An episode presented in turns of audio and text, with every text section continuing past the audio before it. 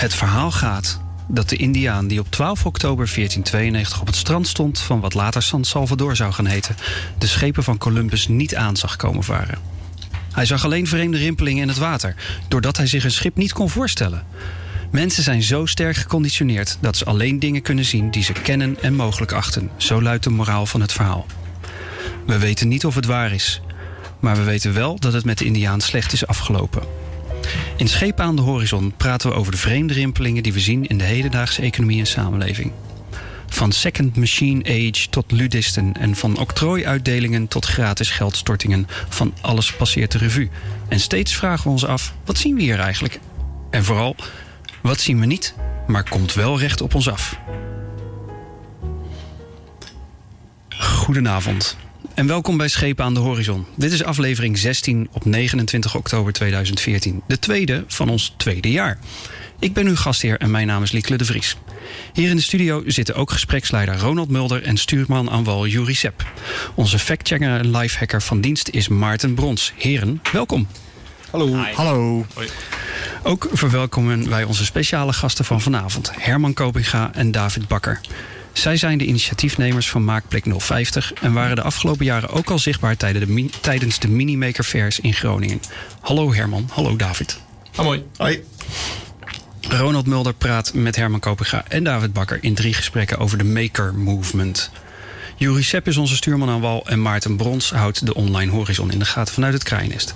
En ook hebben we nog twee bijzondere muziekstukken. Maar eerst de rimpelingen. Juri. Ja, volgens Elon Musk, uh, de man die naam maakte met vooruitstrevende uitvindingen als PayPal, de elektrische auto Tesla en ruimtereisorganisatie SpaceX, is technologie niet alleen roosgeur en maneschijn. Uh, de 43-jarige ingenieur en ondernemer uh, vergeleek onlangs kunstmatige intelligentie, namelijk met de duivel. Als er één existentiële bedreiging voor de mensheid aan te wijzen is, dan is dat AI, aldus Musk. hij vindt dan ook dat er op nationaal en internationaal niveau toezicht moet komen om de demonen te bezweren. Uh, banken en bedrijven moeten sinds kort rente betalen om geld op een spaarrekening te mogen zetten. De banken die de spaarrekening beheren willen niet spreken van een boete voor de spaarders, maar uh, van een doorberekenen van negatieve rente. Wanneer deze banken namelijk hun overschotten willen stallen bij de Europese Centrale Bank, moeten zij op hun beurt uh, een strafheffing betalen, wat ooit bedacht is om de economie weer op gang te helpen. De verwachting is dat deze negatieve rente zich nu als een olievlek zal verspreiden. Uh, we blijven nog even bij de geldzaken. Uh, de meeste van ons kennen initiatieven als Apple Pay en Google Wallet... die het betalen via mobiele telefoons mogelijk maken. Uh, kennen ze wel, maar ehm, helaas zijn veel winkels nog niet goed uitgerust... om deze betalingen te faciliteren. nu is er Osama Bedir ondernemer en tevens medebedenker van de Google Wallet. Ehm, en die, die heeft de afgelopen jaren gewerkt aan de Point. Dat is P-O-Y-N-T. En dat is een handig apparaat uh, dat bij de kassa uh, allerlei uh, betalingsdiensten ondersteunt. Dat is van traditionele creditcards tot aan QR-code, Bluetooth en zelfs de Apple Pay dus ook. de Point werd vandaag geïntroduceerd in de VS. En wij zijn heel benieuwd wanneer deze vrije uitvinding in ons land op zal duiken. Dank, Juri. Nou, door naar het eerste gesprek van vanavond. Gespreksleider Ronald Mulder, stuurman aan wal Juri Sepp. Jullie gaan in gesprek met onze speciale gasten van vanavond, Herman Kobiga en David Bakker. Heren, steekt van wal. Ja, dat zullen we doen. Herman, David, kunnen jullie jezelf heel kort introduceren voor de luisteraar? Mijn naam is Herman Kopiga. Ik maak graag en dat is een uit de hand lopende hobby. En ik ben David Bakker en ik uh, maak ook af en toe eens wat. Jullie, jullie maken dingen. Nou, dat is mooi, daar gaat het over. De, maker movement uh, vanavond. Herman, wat, wat maak jij zoal? Ik maak dingen, zeg je. Uh, ja, ik maak graag um, uh, objecten waar je een klein beetje blij van wordt. Niet alleen ikzelf, maar ook anderen die ermee interacteren. Bijvoorbeeld, ik heb een keer een like jar gemaakt. Gewoon een glazen potje, met een tellertje erin. En daar stond dan uh, van Facebook dat duimpje bovenop. Dat herkent iedereen. Als je daarop drukt, gebeurt er precies wat je verwacht. Namelijk, hij registreert dat je iets leuk gevonden hebt en dat wordt opgeslagen in het potje. Oké, en waarom? waarom? Ah, dat is een heel aardige vraag om te stellen. Ehm, wat we ondertussen geleerd hebben in de makerbeweging, ehm, dan hoor je zo ongeveer eh, die vraag of te vermijden of te accepteren dat je krijgt, omdat het kan. En dat laatste was in dit geval aan de hand, uh, gecombineerd met nieuwsgierigheid naar hoe het bepaalde displaytje werkte, wat ik uiteindelijk gebruikt heb. Oké, nee, dat vind ik een goed aan. Je volgt gewoon je eigen nieuwsgierigheid. Ja. Geldt het ook voor jou, David? Je eigen nieuwsgierigheid. Ik wil zelf eerst iets in elkaar kunnen zetten. En ik vind het zelf heel erg leuk als iemand anders vervolgens wat ik verzonnen heb ook gaat maken of beter gaat maken. Ik vind het heel leuk om als ik iets gemaakt heb op internet neer te zetten hoe je dat dan kunt maken of hoe je het zou kunnen maken. En dat andere mensen daar positief op reageren. Dat is gewoon een beetje ja, waardering voor mezelf, zeg maar. Dat vind ik heel leuk om te zien. Is dat een soort van open source uh, aanpak. Ja, eigenlijk wel. Open source hardware in dit geval als zijnde. Zo zet je zo'n ding in elkaar. Dit zijn de onderdelen die je nodig hebt in deze stappen. En ik merk hoe beter ik dat beschrijf, hoe meer mensen er enthousiast van worden. En als je er leuke foto's van neerzet, gaan er nog meer mensen mee aan de slag. En het feit dat met wat jij ooit op een zaterdagavond in Groningen op een zolderkamertje in elkaar gezet hebt, dat iemand anders aan de andere kant van de wereld dat aan het doen is. Een paar maanden later vind ik gewoon echt een fantastisch idee. Wat is het mooiste wat jij gemaakt hebt? Het mooiste? Uh, het, het, leukste vind ik een, een, een, heel klein lampje die je aanzet door hem om te draaien en weer uitdoet om weer om te draaien. Omdat er al 900 mensen zijn die hem zelf gemaakt hebben. Een lampje dat je aandoet om te draaien. Oké. Ja, het is jammer dat het radio is, maar uh, ja. Maarten die zal netjes de links proberen te vinden en op, op Twitter gooien. Zodat... Een draailampje, dan heb je hem zelf Draailampje. Even googlen op draailampje. Um, Lieke zei het al in de inleiding net. Jullie zijn de initiatiefnemers van uh, Maakplek 050. Ja, de knikken, dat kunnen we niet zien. wat, wat is dat, Maakplek 050? De Maakplek is een uh, plek waar je, eh, die we gezamenlijk willen betalen met een aantal makers. Uh, allemaal van die hobbyisten die uh, de, wiens hobby inmiddels uit de hand aan het lopen is. En dan zit je een beetje op zo'n drempeltje dat je door de beperking aan de, van de gereedschappen die je thuis kunt veroorloven, kom je eigenlijk niet zo snel verder. En de spaarzame uurtjes die je aan je hobby kunt besteden, zijn eigenlijk niet zo productief als het zou kunnen zijn als je maar dat stuk gereedschap zou hebben. Um, de oplossing daarvoor is, wat ons betreft, uh, huur gezamenlijk, uh, gezamenlijk een ruimte. En zet in die ruimte al die stukken gereedschap neer die je nodig hebt. Als iedereen zijn eigen gereedschap uh, al eens meeneemt om mee te beginnen, ben je al een heel eind. En um, dat zijn we op dit moment aan het organiseren. En hebben we een man of dertig gevonden die daar al van gezegd hebben: wij willen ook meedoen. En we verwachten dat als we open zijn, dat je het, doordat je het kunt laten zien, er zullen meer, veel meer mensen zullen zijn die ook aanhaken. Ja. En maak is dan echt de breedste zin van het woord. Uh, we hebben het over techniek, maar we hebben het ook we hebben het over techniek in alle vormen. Maar ook over kunststof, maar ook over textiel en ook over koken. En het is maken in de breedste zin van het woord. En vooral ook met elkaar. Want daar doe je uiteindelijk zo'n plek voor dat je ook bij elkaar samen dingen kunt maken en van elkaar kunt leren. Maar als je het zo breed maakt, is dan niet iedereen een maker? Want, uh... Dat wordt nogal vaak gezegd. Ja, iedereen is een maker, iedereen maakt wel iets. Ik heb vanavond nog gekookt. Ja, nou precies. en je ziet dat mensen die iets maken heel vaak dezelfde passie hebben. Alleen het is over een ander onderwerp. De een gaat helemaal hard over koffie en precies dat op dat mooie manier klaarmaken. De ander houdt het van kleding customizen zodat het past bij je. Of de ander gaat met hout in de weer en maakt iets moois. Maar iedereen, als, als ze daarover gaan praten, dat die ogen gaan schitteren en gaan fonkelen, dan, nee, dan weet ik hem te pakken, zeg maar. Is, is, is dit nou iets heel nieuws, eh, bijzonder? Is het niet gewoon wat we vroeger een hobby noemden? Ja. Is dat nog een vraag waar nog wel eens ja of nee op kan zijn? Dan, ja. Even, um, tuurlijk is het een hobby. En um, dat is ook uh, eigenlijk met de komst van het internet uh, kun je veel beter zien wat de grenzen zijn van de hobby die je op dit moment aan het uitoefenen bent.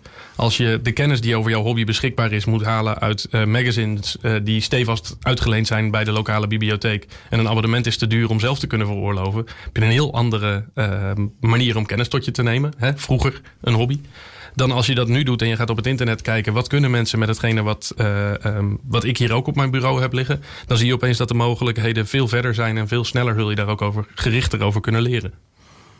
Oké, okay, dus het is een genetwerkte variant van. Ja, en het grote verschil is dat je nu ook mensen kunt vinden die precies net dat ene gekke dingetje wat jij leuk vindt, dat zij dat toevallig ook leuk vinden. Vindt die normaal maar eens. Maar ja, nu zit er toevallig iemand ergens in uh, Australië die met hetzelfde probleem, met hetzelfde ding op hetzelfde moment zit te klooien. Ja, en dan kan je elkaar nu vinden en her verder helpen. En dat is het mooie van nu natuurlijk. Ja, wat ook mooi is, het is jammer dat het radio is, maar tijdens het gesprek zit David het microfoonsnoertje te demonteren en uh, weer opnieuw in elkaar te zetten. En um, te kijken hoe dat precies zit. En um, het hangt nu nou, half los. Maar uh, is, dat, uh, is dat iets wat erbij hoort? Heb je dat, ik, zou, ik zou geen gesloten vragen in stellen. Maar waar, waar speelden jullie als kind mee? Laat ik het zo vragen dan. dingen waar je nieuwsgierigheid bij een rol spelen. Dus het is, toen was het Lego. Lego technisch Lego en Lego. En de blokjes en uh, gewoon buiten bouwen, hutten bouwen, maken. Uh, maar vooral, um, hoe werkt het? En ik kan me ook nog goed herinneren dat ik combinaties van stofjes die ik van mijn ouders uh, van het, in de badkamer zeg maar, uit potjes en dingetjes haalde, dat stopte ik bij elkaar. En dan ging ik volgende dag kijken of er iets veranderd was. Gewoon om te kijken of het zou veranderen. En voor mij was het de schuur van mijn opa. De schuur van mijn opa, daar lagen enorm veel restjes hout in. En dan mocht ik dan op spelen als ik bij mijn opa kwam. En niet alleen hout, maar ook wat nou ja, gereedschapjes. En nou, daar kon ik middagen in verspreiden. En na die middag kreeg ik dan een zakje van mijn opa mee... met nog meer stukjes hout om mee verder te gaan. En nou, dat was het mooiste wat er was. Sorry. We hebben um, een aantal jaren geleden hier in Groningen... de eerste Maker Fair uh, van het Europese vasteland. Van het Europese vasteland gaat inderdaad alweer vier jaar geleden onderhand. Vier jaar geleden. Ja. Zijn jullie bij betrokken geweest bij de organisatie? Ja, vanaf dag één. Wat, wat is dat, een maker fair? Want er komt er straks in het voorjaar volgens mij ook weer eentje ja, aan. Er komt er in april, 11 en 12 april, op het Siboga-terrein hier in Groningen... is weer een maker fair. Uh, waar ja, duizenden mensen op afkomen om die dit leuk vinden om te zien... en ook zelf in mee te maken. Het is overgewaaid uit Amerika. Daar zijn ze ooit jaren geleden daarmee begonnen. En dat heeft dan een label Maker Fair gekregen... omdat er een commerciële partij was die een tijdschrift uitgeeft... en die dacht, daar gaan we een commercieel feest van maken. En zo is het eigenlijk ontstaan. Uh, en het is een feest voor... Ja, uh, het festival voor creativiteit en, en, en, en vindingrijkheid. Dat is wat het uh, genoemd wordt. En daar zie je dus al mensen uit de hele wereld van het maken... in al de vormen die er zijn, die daar samenkomen om met elkaar te maken... en te laten zien wat ze doen. Een podium voor de makers. Oké, okay, dus daar komt het van online weer offline en dan kan je het in het echt zien. Eigenlijk wel. Ja, wat ik echt fantastisch aan vond aan die eerste keer dat ik het meemaakte, is um, de paar dingetjes die ik dan uh, gemaakt heb. Uh, normaal gesproken loop je dan naar je vrienden toe en dan zeg je: Kijk, kijk, kijk, kijk, heb ik gemaakt. En dat is dan een product van jouw nieuwsgierigheid. En dan zeggen ze: Ja, aardig. En dat was het dan. uh, want waarschijnlijk delen jouw vrienden niet die passie. En uh, als je kijkt naar een maker fair, daar sta je ten opzichte van honderden mensen. En uh, duizenden zelfs. En die komen langs. En die, daar zitten er altijd wel een aantal tussen. Die hebben inderdaad, wat David net ook omschrijft. Die hebben dat stukje passie. Die delen dat met jou. En die zeggen, oh, maar hoe heb je dat dan opgelost? En um, oh, weet je dat je uh, met dat dingetje wat je daar hebt liggen, kun je... Nou, en dat gesprek, om dat te hebben en dan gewoon live mee te maken... dat is eigenlijk um, in de fysieke wereld datgene wat dat, die hele makerbeweging op het internet ook op dit moment is. En de eerste uh, Maker Fair hè, van het vasteland zelfs was in Groningen. Is, de, um, is daar een reden voor, behalve dan nou, jullie we, beiden? Uh, we lopen stiekem nog wel eens best wel wat voor in Groningen. En dat zeggen we niet zo heel hard, maar dat doen we eigenlijk best nog wel eens. Uh, en dit zat eraan te komen, want ja, de Maker Movement wordt het genoemd. Nou, er is wel er is iets gaande. En dat gebeurt steeds meer en het popt ergens op. En wij waren daar de eerste van in Groningen. En Groningen is ook zo'n plek, hier gebeurt het ook. Het is de plek van Noord-Nederland waar mensen het snelst naartoe gaan, omdat er van alles gebeurt. Het is de plek in deze regio, dus gaat het hier gebeuren. En je ziet gelukkig dat het op heel veel meer plekken komt, want meer is beter in dit geval. Mm -hmm, mm -hmm. Geldt dat ook voor die uh, maakplek? Zijn daar, is de Groningen daar weer voorloper? Of zijn er al meer voorbeelden van? Oh, er zijn heel veel voorbeelden van. Heel veel met een andere naam, maar komt op heel veel op hetzelfde neer. Net een andere invulling eraan. Uh, net een andere invulling daar, kan je een voorbeeld geven? Uh, een hackerspace wordt het genoemd. En dat is een plek waar je samenkomt. Zit meestal iets meer in de technische hoek. Uh, er zijn fablabs. En dat zit dan vooral in de 3D-print en de lasersnijhoek. En dat is een bepaald deeltje van de makerhoek. Maar we hebben hier in Groningen bijvoorbeeld ook al sinds jarendag de stadswerkplaats. Wat ook weer een klein onderdeeltje is van ja, wat je zou willen maken. Mm -hmm. De plekken zijn er allemaal al wel. Ze zijn allemaal nog heel los verspreid. Want bijvoorbeeld bij de stadswerkplaats is een prachtige plek. Maar zodra je iets met elektronica wil doen, wordt het lastig daar. Aan de andere kant, uh, bij andere plekken kan je bijvoorbeeld alleen maar elektronica doen. Maar er hangt er nog geen schroevendraaier aan de muur. Uh, en dan moet je ook uh, per minuut betalen dat je ergens achter staat. Nou, de plek waar er eentje is, waar de combinatie van al die handel is. En waar je makkelijk in kunt lopen en toegang toe kan hebben. Ja, die zie je op steeds meer plekken ontstaan. En in Groningen heet het dan een maakplek. De maakplek.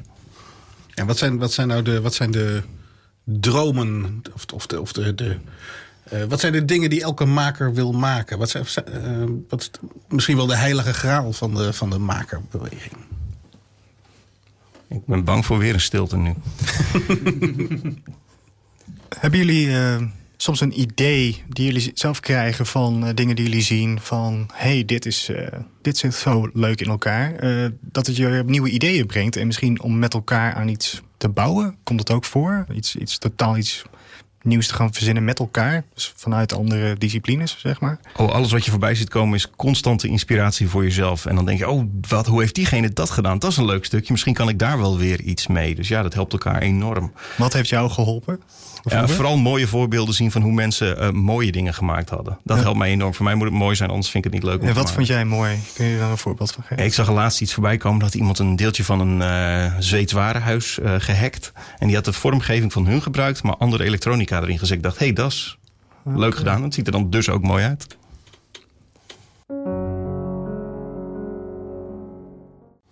U luistert naar Schepen aan de Horizon. Ik ben uw gastheer, Lieke de Vries. En vanavond praten we over de Maker Movement... met onze gasten Herman Kopinga en David Bakker. Tweet u gerust mee met hashtag SADH. Op onze website sadh.nl vindt u bovendien ook nog alle vorige afleveringen... die u eventueel, als u dat wilt, ook in de iTunes Store kunt vinden bij de podcasts. Um, ter ondersteuning van het gesprek zojuist hebben we ook een aantal van de onderwerpen die ter sprake kwamen al op de Twitters gegooid. Dus wil je meer weten over de draailampjes of over de Maker Fair? Check dan onze Twitterstream, klik de linkjes aan en lees gerust verder. Heren, terug naar jullie. Ja. Herman, David, de vredesbeweging, de milieubeweging, uh, meestal als ergens beweging achter staat, movement, dan zijn dat mensen die de wereld willen veranderen, verbeteren als het even kan. Hoe wil de maker movement de wereld veranderen? Mensen zelf weer in staat stellen en ook überhaupt stimuleren om nieuwsgierig te blijven en vervolgens met die nieuwsgierigheid je eigen problemen op te lossen. En dat dan vooral in eerste instantie in de fysieke wereld. Maar als je nieuwsgierig blijft en uh, gewend bent om je eigen problemen op te lossen, zie je dat mensen ook uh, op andere manieren gaan proberen samen te leven. Uh, op andere manieren met geld omgaan, et cetera, et cetera, et cetera. Dat zijn niet de primaire doelen. die, dat nieuwsgierigheid stimuleren en gewoon durven eens een keer een stuk gereedschap vast te houden. Wat aan toe te voegen, David? Oh ja, blijven onderzoeken, blijven nadenken. Heft weer in eigen handen nemen. Dat is allemaal wat bij me opkomt. Ja. Dat woordje weer, dat vind ik wel interessant. Ja, weer, want we konden dit allemaal al. Ja, maar had je allemaal niet laatst dat boek laten zien van uh, jongensboek Handleiding voor mm. Radiotechniek uit 1924 of iets dergelijks? Ja, 24, 34 daar ergens. Ja, ja, ja, ja. ja. Prachtig boek met voorbeelden van zo maakte je toen de tijd een radio. Uh, er waren ook uh, toen jongensknutselverenigingen en dergelijke. Uh, toen kon je dat al een beetje. En dat hebben we heel lang niet meer gedaan. Zijn we spulletjes gaan kopen en dat moest dan vooral goedkoper gaan worden. Dan konden we nog meer van gaan kopen. En toen ging die handel stuk en dan had je er niet zoveel bevrediging meer uit. En nu zijn we weer zelf dingen aan het maken. Dus het is ook wel iets van weer grip op je omgeving krijgen? Ik denk het wel. Ik denk dat we dat heel veel missen met z'n allen. Uh, vele van onze mensen die bij de maakplek aan de slag gaan, mensen die zeggen ja, wij, wij, wij, wij zijn lid, uh, zijn mensen die gedurende de dag dingen doen met een toetsenbord. en niks in de hand hebben, niks fysieks. En juist in die tijd daarna, in die spaarzame vrijzame tijd, dat ze met dingen bezig zijn die ze heel tof vinden. En dat is wel ongeveer in die vakgebied, maar dat ze iets in de handen willen hebben. Iets fysieks, iets, iets gedaan willen hebben, iets, iets ja, toonbaars willen hebben. En hoe ver, gaat, hoe ver kan dat reiken? Ik bedoel. Um... Ik zou zeggen tot windmolens, want dat is het grootste voorbeeld wat in mijn hoofd komt wat iemand wil gaan maken in de maakplek. Maar... Ja, in de maakplek wel. Maar ja. daarbuiten zijn er ook mensen die de maakplek leuk vinden en zeggen: uh, kunnen we niet ergens gaan wonen waar we onze huizen zelf bouwen en eventueel energievoorziening en voedselvoorziening. Ja, en, nou, zover kan dat gaan. Geen probleem. Ik vond het weer Burning Man, maar dan anders. Oh ja, anders. Wat, wat, wat zie je? Ik dacht even van Burning Man, ook zoiets dat zichzelf in stand houdt. Maar... Leg eens uit, wat is dat? Dat weet vast niet iedereen. Oh, Burning Man is een festival in Amerika waar je uh, alles meeneemt naar een plek ergens in de woestijn waar niks is. En dan moet je het ook met z'n allen voor elkaar krijgen. Nou, dat is nu helemaal commercieel aan het worden en noem maar op. Maar het idee daarachter is nog steeds interessant en wel passend. Ik wil er nog steeds een keer kijken.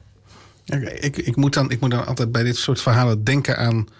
Volgens mij was het een TED-filmpje van iemand die een broodrooster ging proberen te maken. Herman die knikt al, die heeft het ooit eens gezien. Ehm, nou, als ik me goed herinner, had die jongen daar uh, 2.500 pond aan besteed en uh, drie uh, mensjaren in zitten. En toen had hij een broodrooster gemaakt die het een halve minuut deed en toen doorbrandde. Maar toen wist hij wel helemaal zelf hoe hij het van nul moest maken. Ik bedoel maar te zeggen van dat de, de, de massaproductie zoals we die kennen hè, en dingen in de winkel kopen, dat dat toch ook wel voordelen heeft. Oh, zeker. Um, het heeft ook voordelen om te weten wat je aan het kopen bent en waar je op moet letten als je zo'n apparaat koopt. Uh, als je het gemiddeld broodrooster van binnen bekijkt, ziet het niet uit alsof hij het meer dan drie jaar gaat uithouden. Uh, het heeft charme om dan te kunnen ontdekken welke van die broodroosters überhaupt er zo uitziet alsof je hem zelf zou kunnen repareren. Um, hilarisch genoeg recent nog een broodrooster gerepareerd.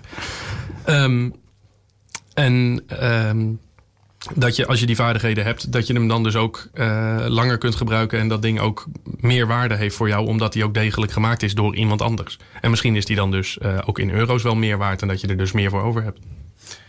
En ik vind het broodrooster voorbeeld vanaf nul, als je helemaal zelf een broodrooster zou willen maken. Ook zo mooi om dat voorbeeld zo te horen dat je dus voordat je dat kunt, je, je maakt gebruik van zoveel kennis, wat al zoveel andere mensen hebben gedaan. Je bouwt steeds verder op iets anders. Uh, alles wat we doen is weer een voorbouwing op de rest wat we al weten. En dat zie je in de makenwereld net zo terug. Je gebruikt elkaars ideeën, je gebruikt elkaars ontdekkingen. Als je dan maar eentje moet doen, dan komen we nergens. Precies, want ik verwacht eigenlijk ook dat als je op Thingiverse gaat kijken of op Instructables uh, en je zoekt op broodrooster, uh, en dan liefst in het Engels, want de meeste mensen daar praten Engels, dan uh, zul je allicht instructies vinden hoe je zo'n ding kunt maken in veel minder dan drie manjaren en veel minder dan 2500 dollar of pond, wat het ook was. En dat zijn wel websites waar dit soort dingen heel erg hard op gedeeld worden. En uh, er is ook een uh, Amerikaan die um, heeft uh, een, um, hoe noemde die het ook alweer? Een Society Construction Kit volgens mij gecreëerd. Dat is een DVD, die mag je downloaden. En daar staan handleidingen in hoe je, wat hem betreft, een complete maatschappij in elkaar kunt knutselen. dus ook dat hoeven we niet meer zelf uit te vinden. Om maar eens te kijken hoe ver dat gaat. Nee, je zegt iets heel belangrijks. Iets zelf maken is nog heel wat anders dan het in je eentje maken. En mm -hmm, het, absoluut. Is, is de, de maker movement daarmee ook een uh, productiemodel? Of is dat, is dat um, in, de, in de softwarewereld heb je natuurlijk uh, hele besturingssystemen die mm -hmm. op die manier gemaakt worden. Mm -hmm. Niet in een uh, company, maar in een netwerk. Van vrijwilligers, ja. Is, is daar een hardware uh, tegenhanger denkbaar? Hoe zou dat eruit zien? Je kunt nu een vrij eenvoudig bedrijfje gaan spelen als maker. Ik bedoel, dat hele simpele voorbeeldje van een lampje, daar heb ik ook al onderdelen uit naar vijf verschillende landen naar me toe laten komen. Ergens in een zolderkamer in Groningen. Daar wat assemblage doen en het gaat weer de rest van de wereld over. Um, samenwerken, als je met andere mensen dat gaat doen door de rest van de wereld. Ja, je kunt ook onderdelen door anderen laten maken. Dat kan allemaal. Gebeurt nog niet echt? Als het gebeurt. Uh, Kickstarter en dergelijke. Van die. Uh, en uh, wat je bijvoorbeeld ziet is dat je de toegang tot uh, leveranciers in het Verre Oosten is in de afgelopen jaren voor individuele nou ja, Groningers, zoals David ook net zegt, enorm veel makkelijker geworden. Dus je kunt direct een order plaatsen. En dus ook met de marges die daarbij hoorden. Vroeger zaten daar dan zes mensen tussen die acht talen praten en die dan allemaal hun eigen marge wilden. Uh, internet is cutting out the middleman, wordt er regelmatig geroepen. Dat zie je hier dus ook. Waardoor ook direct toegang tot um, basismaterialen en componenten, waar normaal gesproken in Azië mee geassembleerd wordt, die kun je nu hier voor, wat ons betreft, hele lage bedragen. Vanuit het perspectief van een Azische fabrikant of een Aziatische fabrikant nog steeds een hoog bedrag. Kun je dat nu hier te komen en kun je daar ook je eigen elektronica of andere onderdelen van maken. Als je dat combineert met computergestuurde arbeid, dan zou je zelfs nog op, en dat zie je ook bijvoorbeeld Apple in de Verenigde Staten nu doen. Uh, zie je dat ze daar uh, een aantal modellen van uit hun gamma uh, zelf assembleren in de Verenigde Staten. met computergestuurde arbeid en niet met mensen, maar um, made in America. En dat is voor Amerikanen dan weer heel belangrijk. Um, Zo'n soort model en wat daarin geëxperimenteerd wordt. Ik verwacht dat daar heel veel naar beneden toe afgerond wordt en dat dat ook steeds toegankelijker wordt in lokalere schalen. Um, en dat je dus uh, wat generiekere productiefabriekjes zou kunnen gaan zien. Uh -huh. uh, die wellicht kleine series kunnen maken van producten die lokaal heel erg nodig zijn. Omdat ze nou eenmaal bij dit klimaat passen of op een andere manier hier heel relevant zijn. dat is mooi. Dat is mooi. Dat, dus je kan je, ik probeer me voor te stellen wat het allemaal betekent. Maar dat je zou je in de toekomst kunnen voorstellen dat een, een netwerk uh, van één, eenlingen, tweelingen zoals jullie uh, met elkaar uh, besluiten van laten we eens een nou, niet afluisterbare telefoon maken met elkaar. Bijvoorbeeld. Ja. Gaan we doen. Mooi. Ja, wat ik zoveel leuk vind om te horen... is dat, dat jullie eigenlijk de, de vanzelfsprekendheid der dingen uh, een beetje hacken, als het ware. Uh, hè, zoals je net zelf al zei, je wil de dingen zelf voelen. De materialiteit, die ervaring is belangrijk. En, en uh, niet de, de, technologie zoals de meeste mensen die gebruiken, zeg maar, voor lief nemen. En eigenlijk daardoor um, ja, een, een, band ontstaat met datgene wat je doet. En daarvan uit dat dat als het ware ook weer verspreidt over de wereld en iedereen. Dat is eigenlijk een beetje de ideologie zou je kunnen noemen.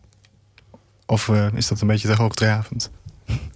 Um, ik, op zijn minst één van de wellicht. Uh, anderen die zitten er gewoon in omdat ze het fijn vinden om na een dag uh, computerarbeid gewoon een beetje stof te maken. En die maken dan eenvoudige objecten van hout misschien.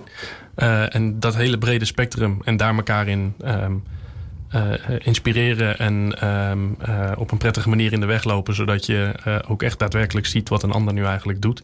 Dat zie je echt heel erg in die nou ja, beweging, die makerbeweging terug. Um, en net had ik nog een mooi bruggetje, maar die is nu weg. Ga je maken. Nou ja, wat, wat, wat, wat me opvalt is dat elke keer als wij het hebben over wat zit erachter, hè, of over beweging, dat, je, dat jullie hoorbaar de aanhalingstekens erbij plaatsen. dat, uh, um, zo van, ja, we, we, uh, het is een, een platform en er zullen mensen zijn die vanuit dit of dit ideaal uh, handelen. Maar ja, dat is niet per se wat iedereen bindt. Dat, uh...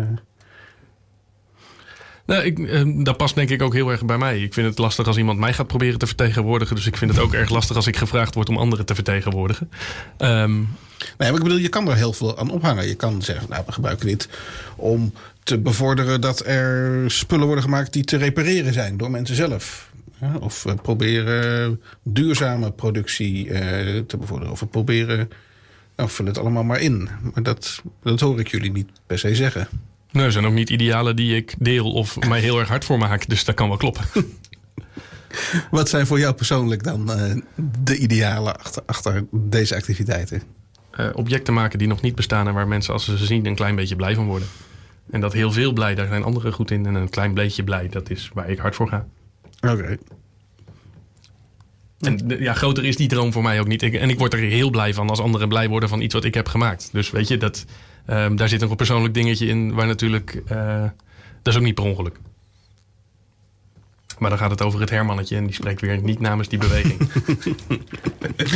moeilijk, moeilijk. Ik kan jullie er niet op vangen, ik merk het al. Nee, het is lastig. En je spreekt natuurlijk om een heel klein deeltje van een makerwereld. Want er zijn zoveel meer aspecten en zoveel. Want ook wat je net over had, het herstellen van producten, zelf het heft in hand nemen om dingen wel te kunnen hacken die het anders niet dit kunnen wat je zou willen dat het doet.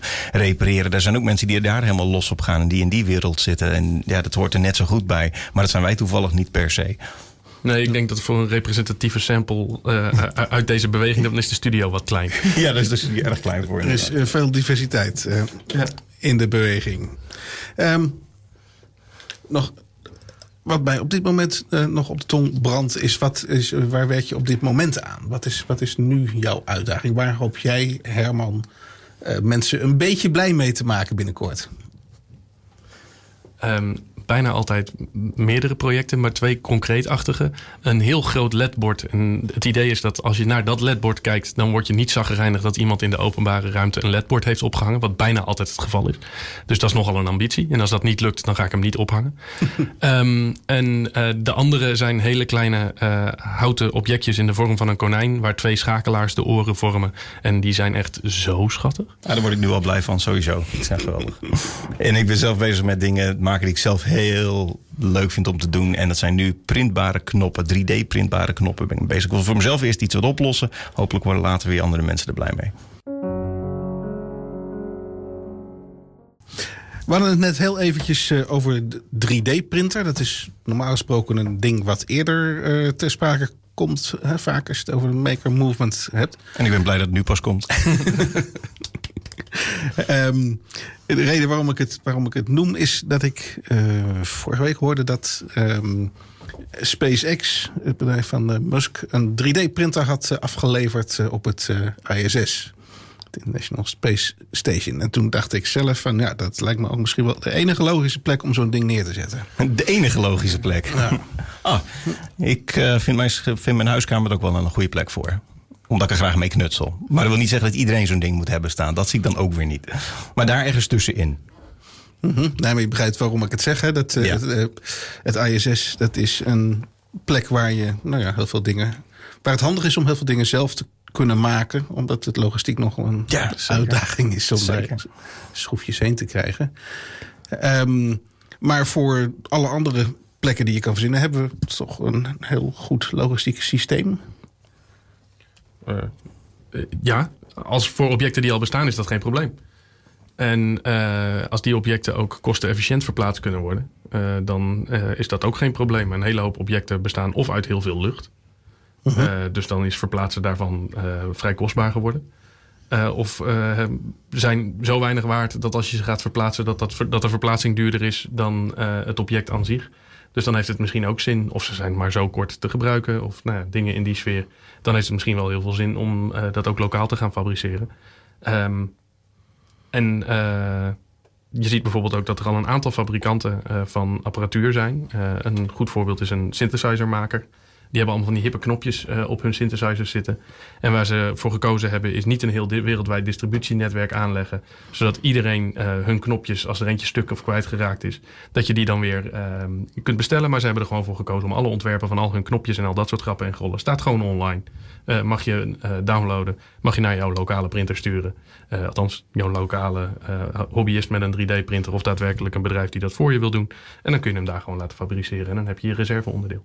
Want er zijn gelukkig al netwerken voor met mensen die dingen leuk vinden. En die ze al, alleen al leuk vinden om te hebben staan.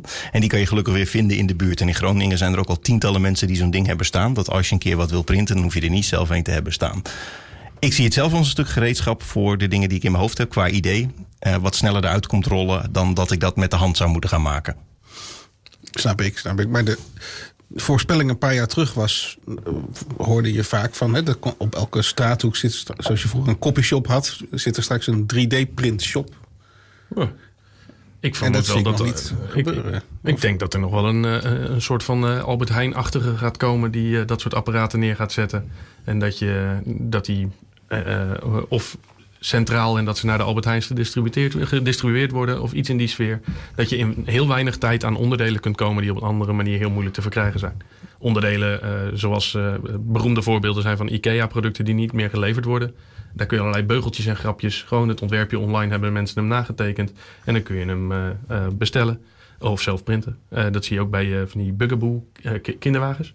Die eh, buggy dingen. En daar zitten onderdeeltjes aan die kosten heel veel. Omdat ze onderdeel zijn van een grotere assemblage. Zoals je ze eh, bij de leverancier koopt. Maar alleen het kunststof onderdeeltje kun je gewoon eh, het ontwerpje downloaden en printen. En je ziet er voorzichtig al beweging in dat er bedrijven zijn die dit al doen. Eh, custom, volgens mij waren het iPhone hoesjes kon je bij de HEMA ook al laten komen. Die werden ook 3D-print, nog niet op locatie, maar die worden wel naar de HEMA toegestuurd. Dus nou, dat komt wel. Dat van die Oké. copyshop is helemaal niet zo'n gek idee. En of die printer daar letterlijk staat, ach, daar gaan we achter komen. Ik er wel- zijn mooie voor... Ik ben wel benieuwd naar eh, ja, die ontwikkelingen in het eh, gewoon kunnen downloaden van die blauwdrukken. Je kunt het iedereen, als iedereen dat gewoon kan downloaden en eh, kan uitprinten, gaan die bedrijven, komen die er niet tegen in het geweer? Van, net als met de muziekindustrie is gebeurd, met het gratis downloaden. Wat, wat gebeurt daar nu? Eh, is er Ja. veel juridische strijd? Zo net had je eh, Thingiverse. Dat is zo'n website waar al dat soort ontwerpen op staan. Dat zijn meestal wat hobbyisten zelf gemaakt hebben en dat delen met de rest.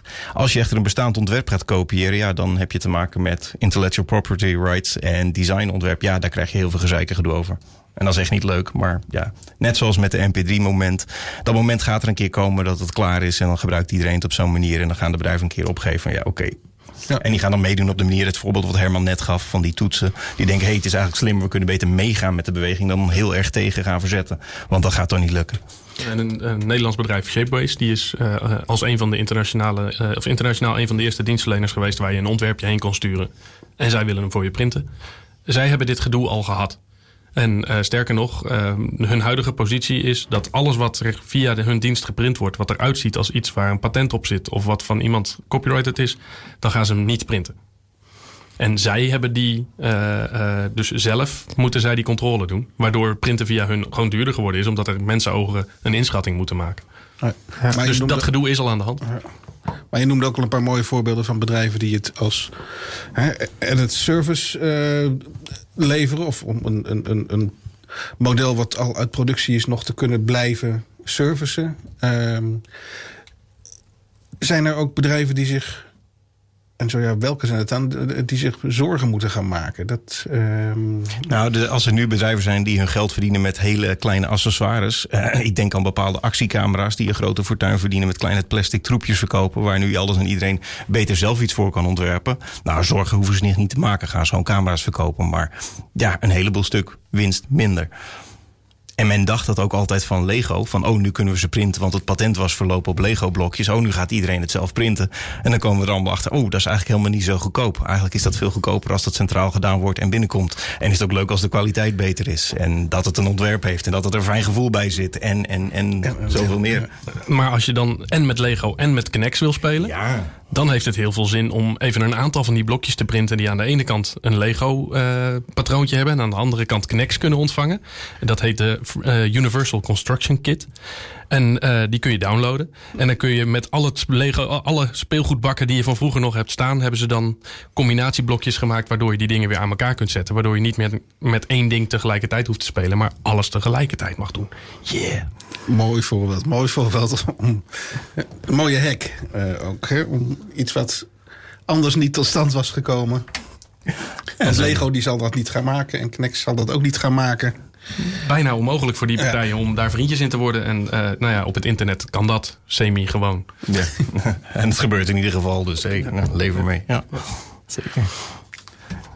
Hoe gaat, hoe gaat uh, als jullie proberen vooruit te kijken, hoe gaat de wereld veranderen als gevolg van waar jullie en duizenden anderen mee bezig zijn?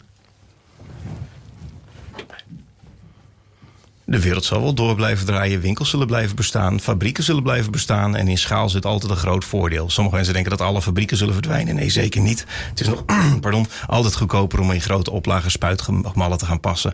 Maar voor proefmodellen maken, ideeën uitwerken, dingen op een plek krijgen waar het normaal niet te krijgen is. Ja, daar zit natuurlijk enorm veel toekomst in. En wat dat precies gaat betekenen voor onze maatschappij, heel moeilijk. Maar dat gaat zeker impact hebben. En dat zie je nu ook op heel veel gebieden al ontstaan. In de medische wereld, waar ze ineens dingen kunnen maken, individuele dingen kunnen maken, die voorheen heel duur waren, zijn nu veel betaalbaarder geworden door die techniek, doordat je het kunt delen met elkaar. Doordat je het kunt printen voor weinig geld. Uh, dus ja, dat soort dingen gaan heel veel uh, oplossingen hebben. Nou, en ik zit me net te realiseren, uh, de wereld kon ook wel eens lelijker worden. ja. Want uh, als, er, als de kans er is... lichtkrant te denken? Of? Ja, nou, niet alleen. um, dat is heel specifiek, dank je. Um, als, uh, als iedereen straks de kans krijgt om uh, heel specifiek de vorm van zijn uh, Volkswagen Polo aan te passen aan zijn smaak. En er precies de vleugels op te bestellen voor geen extra kosten. Want het wordt toch 3D geprint naar zijn smaak. Ik, ik, kom heel opvallend veel mensen tegen met een smaak die niet zo goed bij de mijne past. Dus ik zou dan als gevolg daarvan de wereld lelijk gaan vinden, denk ik. Ja, maar wel ik denk toch dat dat in een, in een hele diepe behoefte voorziet. Hè? Om allemaal je, het gebeurt natuurlijk al jaren, je polo aanpassen. Oh, Astra's en van die Honda Civics. Ja, ja en, en, en, nou ja, maar als dat ook bij alle andere voorwerpen kan. Um, we zien ook uh, de, de telefoonhoesjes waar mensen vrijwillig mee rondlopen. Dat je ook soms afvraagt van... hé, hey, wat was... Uh, nou, wie hier heeft hier wel nagedacht? Um, dat op die manier denk ik dat er... Um, heel veel individuele kracht ligt bij mensen om de wereld om hen heen precies zo te maken als ze denken dat ze hem willen. En um, ik ben dan heel erg nieuwsgierig. Um, op welke manier je daar dan nog eventueel wat comfort in zou kunnen toevoegen. En allemaal dat soort vraagstukken. Maar dit, dat valt misschien wel weer iets verder buiten de, horizon waar je net naar vroeg van hoe gaat de wereld mm eruit zien. Maar de wereld wordt lelijker. Potentieel. Uh, maar wel leuker. Uh, zeker. Uh, in ieder geval minder gelijkvormig. Dus de Phoenix-wijken die gaan het ook denk ik op termijn wel verliezen. We gaan meer er als België uitzien in Nederland, denk ik. Ik moet toch heel erg aan die boeken van Jong denken, waar iedereen dus heel- gefotografeerd wordt jongeren. En dan wordt erbij gezegd, ik kleed me heel individueel. En hebben ze ze bij elkaar gegroepeerd. En is iedereen toch weer hetzelfde, omdat ze allemaal zo lekker uniek zijn. Maar wie weet gaan we die kant ook weer op. Maar vind ik zo. En heel veel geprinte 3D-vaasjes ben ik bang. Dat sowieso. Elke megaver waar ik heen ga, zie ik die dingen veel te veel staan. En dat is een beetje een, dat is wat je nu ziet. Ehm, de zinnige toepassingen zijn steeds meer aan het komen, gelukkig. Het zal eerst een bestemmingsplan hebben. hè? Een 3D-geprinte huizenwijk, bijvoorbeeld. Eh, exact. En daar gaan we dan ervaring op doen en zo groeit dat en groeit dat. Maar er zijn al steeds meer eh, gemeenten die eh, wijken ter beschikking stellen waar je gewoon neer mag zetten wat je denkt dat je mooi vindt. Eh, omdat er dan wel mensen in, hun, in die gemeente komen wonen en anders dan was dat niet zo geweest. Oké. Welke gemeenten zijn dat? Geen idee. Dat moet ik specifieke namen onthouden. Dat kan ik wel googlen voor je als je dat belangrijk vindt. Maar misschien zit. Oh, ik zie iemand al naar een laptop lopen. Ik ben heel benieuwd. Sorry, ik heb een kriebel in mijn keel. Ehm,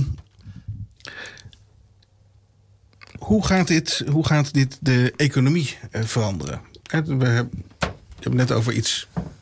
De wereld wordt eh, lelijker. Mooi, hè, dat is hoe het eruit ziet. Maar... ehm, en massaproductie, dat blijft zijn voordelen houden.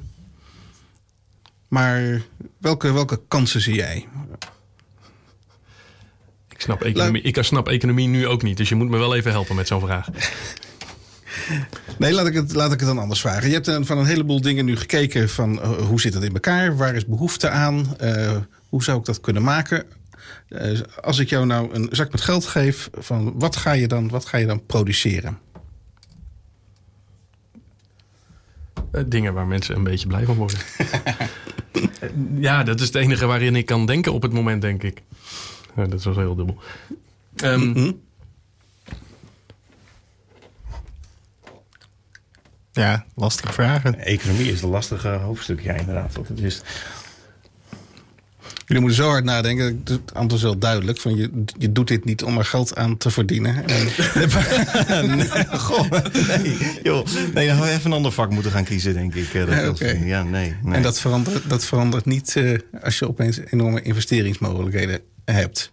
Ja, maar dat- geldt dat, voor, dat geldt voor meer makers? Nou, je ziet dat makers, als je geld wil gaan verdienen, je kent het hele Kickstarter, crowdfunding gederen. Je zet er een idee op en dankzij de technieken die je hebt, kun je veel sneller een proefmodel maken. De lijntjes naar de fabrikanten zijn vele malen korter. Dus als je serieus wil doen, kan je veel makkelijker serieus gaan doen. En dan heb je het ineens wel over heel veel geld. Eh, dat is een optie en die optie is veel dichterbij dan ooit. Ja, absoluut. Eh, of je er ook gebruik van maakt, ja, dat is natuurlijk heel erg aan jezelf of je daar zin in hebt. Je kunt ook gewoon meer van je proefmodellen gaan verkopen. In plaats van meteen een bedrijf op te gaan zetten om dingen te gaan doen.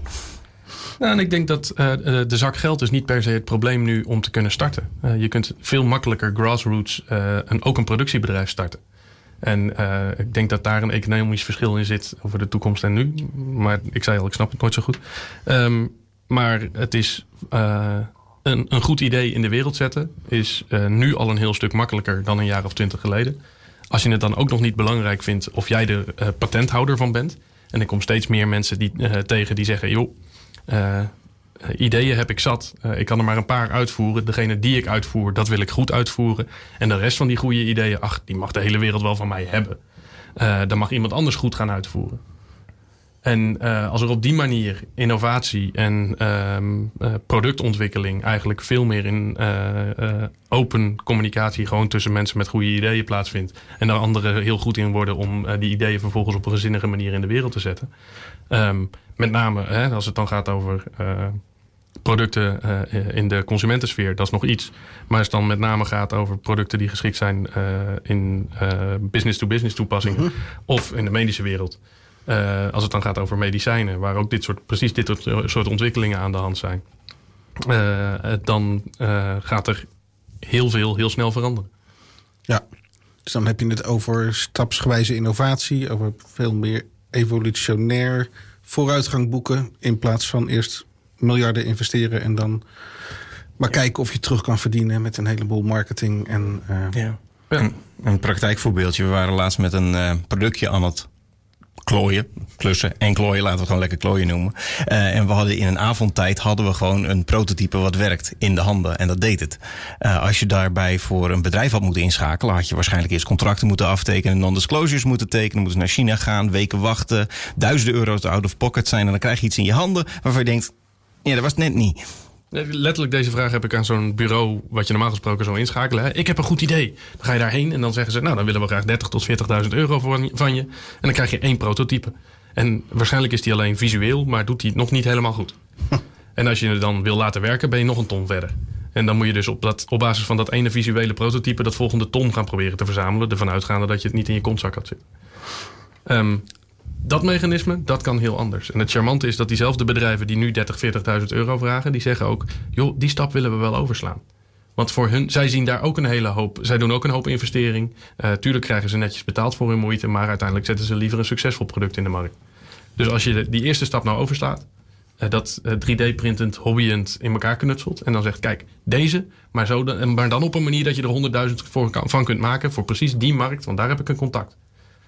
Heel andere vraag. En dan ja. uh, is een ton wellicht ook een stuk makkelijker. Ja, op een kleinschalige manier uh, op elkaars ideeën voort kunnen borduren. Je had het net over de grassroots uh, organisaties... die bijvoorbeeld met behulp van Kickstarter aan de gang kunnen. Heb, kun je daar een paar voorbeelden van geven? Van interessante ideeën die zij nu aan het ontwikkelen zijn? De beroemdste is wel uh, dat horloge, de Pebble horloge. Dat is een horloge wat kan praten met je smartphone. Dat is ooit op Kickstarter begonnen. Die hadden volgens mij iets van een ton nodig. En ze hadden na 30 dagen hadden ze 10 miljoen binnengehaald. Nou ja, daar heb je mee aangetoond dat er dus een markt voor je product is. En nu zie je dat bedrijven zoals een Apple, zoals een Samsung... eigenlijk gewoon dat idee pakken en daar op serieus grotere schaal mee verder gaan. En dat zie je steeds meer. Dus als je het over uh, rimpelingen wil zien... dan moet je gewoon Kickstarter in de gaten houden. Dan kom je, zie je de producten van over een paar jaar zie je daar ontstaan. Ja. Dan is het nog niet perfect, maar dan loop je voor. En dan ja. zie je de rimpelingen. Wellicht kom je ook nog een heel aardig end. Um, de, de drie- en vierletterige afkortingen ben ik niet zo goed mee. Maar in Afrika wordt uh, op dit moment heel hard, heel open geïnnoveerd op het gebied van gezondheidszorg. En als je geen hebt, is het heel veel fijner als je er eentje hebt die misschien niet aan een enkele standaard voldoet, maar hij doet het wel. En die is in elkaar gezet door die arts en die begrijpt hem. Dat is een heel ander perspectief op innovatie. Uh, en als je nu gaat uh, uh, zoeken op open source MR, MRI, dan vind je al een aantal ontwerpen die het veel minder goed doen dan een Philips, maar ze kosten ook bijna niks. Dat zijn grote stappen. Ja, ik heb ook gelezen dat er.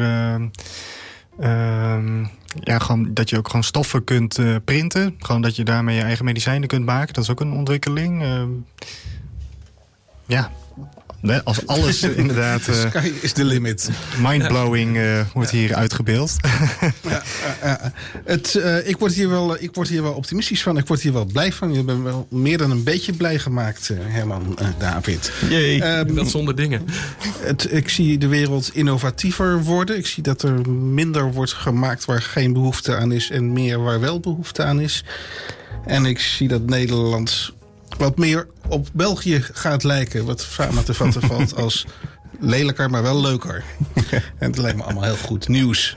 En uh, met meer aandacht gemaakt wordt door mensen die uh, bij dingen stilstaan. Als ik het zo mag uh, samenvatten, ja. toch? En liefde ergens nog beginnen. En dan zijn we mooi ja. volgens mij.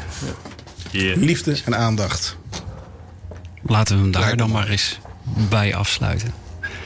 U luisterde naar Schepen aan de Horizon. De zesde en tweede aflevering van ons tweede jaar. De zestiende was het al in het totaal. Reuze bedankt aan alle partners. Oogradio, Warpnet, Seeds to Meet en ook u, beste luisteraar. Op woensdag 3 december is er weer een uitzending. Datmaal over Serious Games. En tot die tijd kunt u alles terugvinden online op shDH.nl en gratis in de iTunes Store bij de podcasts. Deze editie van Schepen aan de Horizon werd gemaakt door Maarten Brons, Rick van der Klei, Ronald Mulder, Juri Sepp en mijn naam is Liekle de Vries. De techniek werd natuurlijk weer gedaan door Roelof Donker. En onze speciale gasten van vanavond waren Herman Kopiga en David Bakker. Zeer bedankt voor jullie komst naar de studio. Voor nu en voor iedereen bedankt en tot ziens.